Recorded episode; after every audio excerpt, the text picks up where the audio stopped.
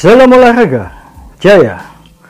Teman-teman sekalian, pada episode sebelumnya kita telah banyak membahas tentang bagaimana menyusun gerakan untuk uh, peregangan, untuk inti, untuk pengantar inti, serta menggabungkannya dengan musik, ya. Maka pada kesempatan kali ini Bersama kita akan belajar tentang bagaimana memperkuat gerakan dan musik yang sudah kita siapkan sebelumnya dikemas menjadi lebih hidup dengan cara berkomunikasi yang optimal dengan member atau anggota senam aerobik. Jadi pada episode kali ini kita akan belajar tentang bagaimana cara berkomunikasi dengan member dalam senam aerobik selama awal hingga akhir sesi senam aerobik tersebut. Nah, pertanyaannya adalah mengapa kita perlu melakukan komunikasi dengan member senam aerobik selama senam aerobik tersebut? Nah, Komunikasi perlu kita lakukan karena e, senam aerobik merupakan suatu aktivitas yang dinamis ya, di mana di situ bukan hanya sekedar musik, bukan sekedar gerakan, tetapi juga di situ bermain emosi. Emosi dari para member atau anggota senam aerobik kita. Nah, di saat mereka sudah mulai lelah, mereka cenderung untuk mulai drop ya semangatnya, mulai lelah, mulai capek. Nah, di situlah peran instruktur kita untuk bisa memainkan emosi para member agar dia tetap termotivasi, tetap semangat dan lain sebagainya. Jadi, semangat bukan hanya ditimbulkan oleh musik saja atau gerakan yang bagus saja, tetapi juga bisa diperkuat melalui bagaimana cara instruktur berkomunikasi dengan member ya. Yang kedua, komunikasi dengan member akan semakin memperdekat ikatan antara instruktur dan member sebagai satu kesatuan di dalam aktivitas nama aerobik di situ. Jadi ada chemistry atau ikatan sehingga aktivitas nama aerobik dilakukan itu merasa nyaman, merasa mengalir dengan lembut dan natural. Nah, kira-kira apa ya? Komunikasi apa saja yang kita bisa lakukan dengan uh, member senam aerobik itu? Ya. Nah, komunikasi kita bisa lakukan dengan cara pertama bahasa tubuh ya. Bahasa tubuh berarti ada bahasa tubuh verbal yang sifatnya menggunakan ucapan dan bahasa tubuh nonverbal atau yang tidak menggunakan ucapan. Misalkan isyarat tangan kode-kode tangan dan lain sebagainya ekspresi muka dan lain sebagainya. Baik pertama kali kita akan membahas tentang cara berkomunikasi dengan menggunakan verbal atau melalui ucapan. Saya berikan contoh ya. Kita uh, waktu melakukan stretching kita bisa mengatakan 5, 6, 7, 8, tahan, tahan, tahan, lagi 5, 6, 7, 8. Nah, di situ ada pola komunikasi ya di pola komunikasi yang digunakan adalah versi hitungan ya. Satu, dua, tiga, empat itu adalah memberitahu pola hitungan. Kemudian juga ada perintah, ada petunjuk yang harus dilakukan oleh member yaitu tahan. Ya, bagus. Lanjutkan. Nah, bisa seperti itu ya. Jadi ada perintah bagi member untuk melakukan aktivitas sesuai dengan yang diharapkan oleh instruktur aerobik. Jadi, cara berkomunikasi kita bisa menggunakan pola hitungan. Bisa menggunakan instruksi, ya. Hitungan tadi sudah tahu bahwa 5, 6, 7, 8 itu adalah contoh hitungan. Ada lagi juga instruksi. Misalnya, ayo badannya tegak. Tariknya ditarik ke belakang lurus. Lututnya jangan ditekuk. Itu adalah contoh instruksi yang berkaitan dengan teknik. Sehingga harapannya member melakukan teknik sesuai dengan yang kita harapkan. Apalagi yang bisa kita lakukan untuk komunikasi dengan member kita bisa memberikan pujian ke member misalkan begini ya. Oke bagus. Lanjutkan. Sedikit lagi. Keren dan lain sebagainya. Itu adalah contoh-contoh pola komunikasi ya. Verbal. Pola komunikasi verbal. Yang keempat kita bisa memberikan semangat atau menarik perhatian dari member. Sebagai contoh berikut mana? Mana suaranya?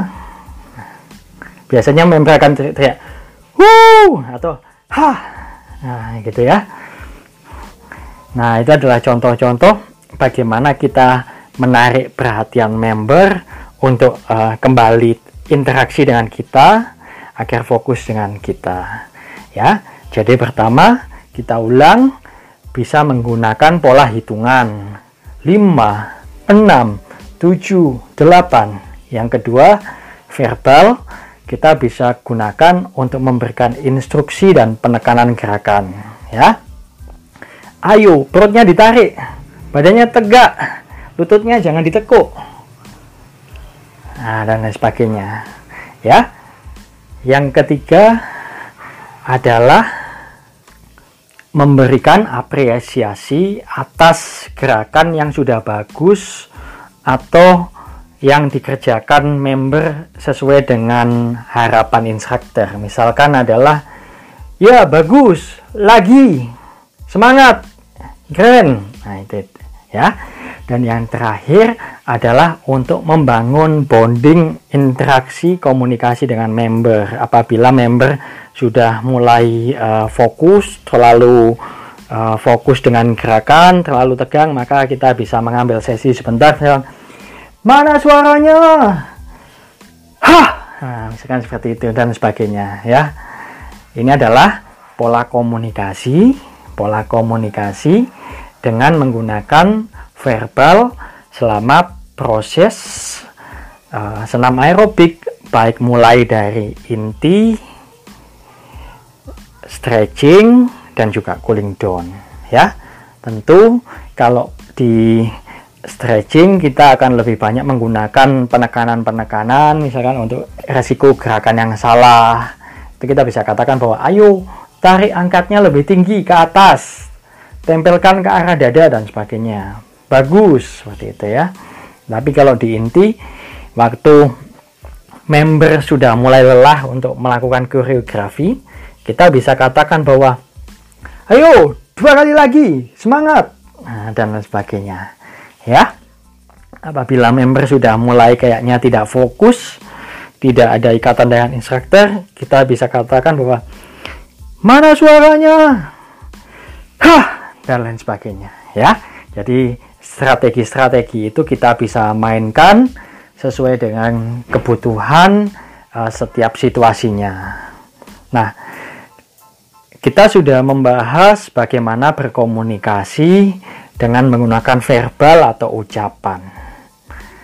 Hasil penelitian menunjukkan bahwa e, cara komunikasi itu yang lebih efektif bukan hanya melibatkan verbal atau ucapan saja, tetapi juga bahasa nonverbal.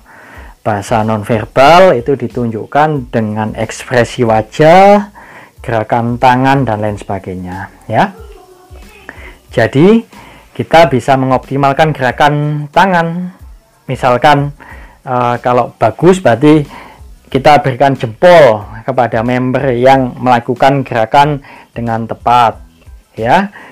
Kemudian kalau memberikan semangat, kita bisa memutar uh, pergelangan tangan kita dan lain sebagainya untuk memberikan semangat. Ya.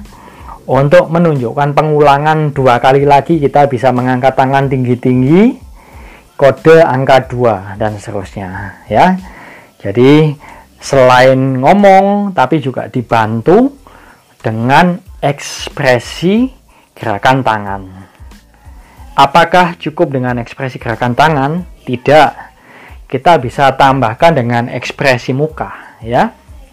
Nah, ekspresi muka yang bagaimana yang perlu ditampilkan selama sesi senam aerobik. Tentu kita harus menunjukkan ekspresi muka yang penuh semangat yang ceria kemudian melakukan kontak mata dengan member kita ya. Jadi kita melihat wajah mereka kita tersenyum kepada mereka untuk membangun ikatan sehingga mereka mau untuk melakukan dan mengikuti gerakan kita dengan baik ya jadi kombinasinya adalah cara berkomunikasi dengan member yaitu melalui ucapan yang dipadu dengan gerakan tangan dan juga ekspresi wajah.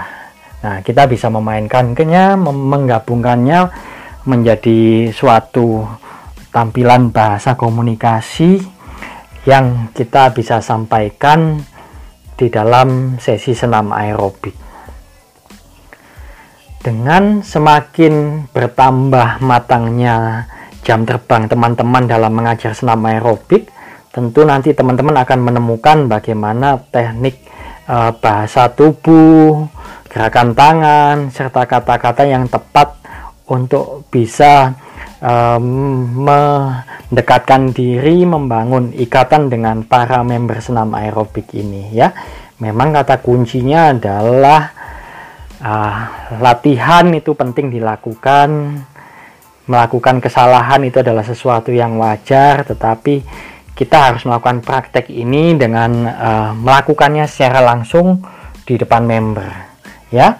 Jadi waktu teman-teman belajar mimpin senam aerobik uh, bukan sekedar menampilkan gerakan saja tidak tidak seperti itu ya seperti uh, laksana hanya senam tetapi tidak ada koneksinya ya hanya senam saja gerakan bukan seperti itu tetapi bagaimana kita menyampaikan gerakan member mengikuti ada koneksi emosional di situ dibangun melalui komunikasi komunikasi baik via uh, ucapan, kode-kode tangan dan ekspresi wajah.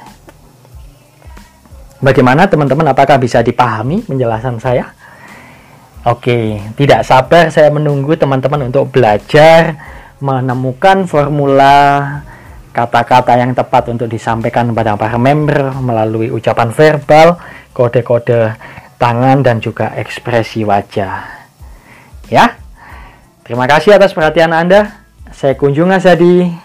Salam olahraga. Jaya.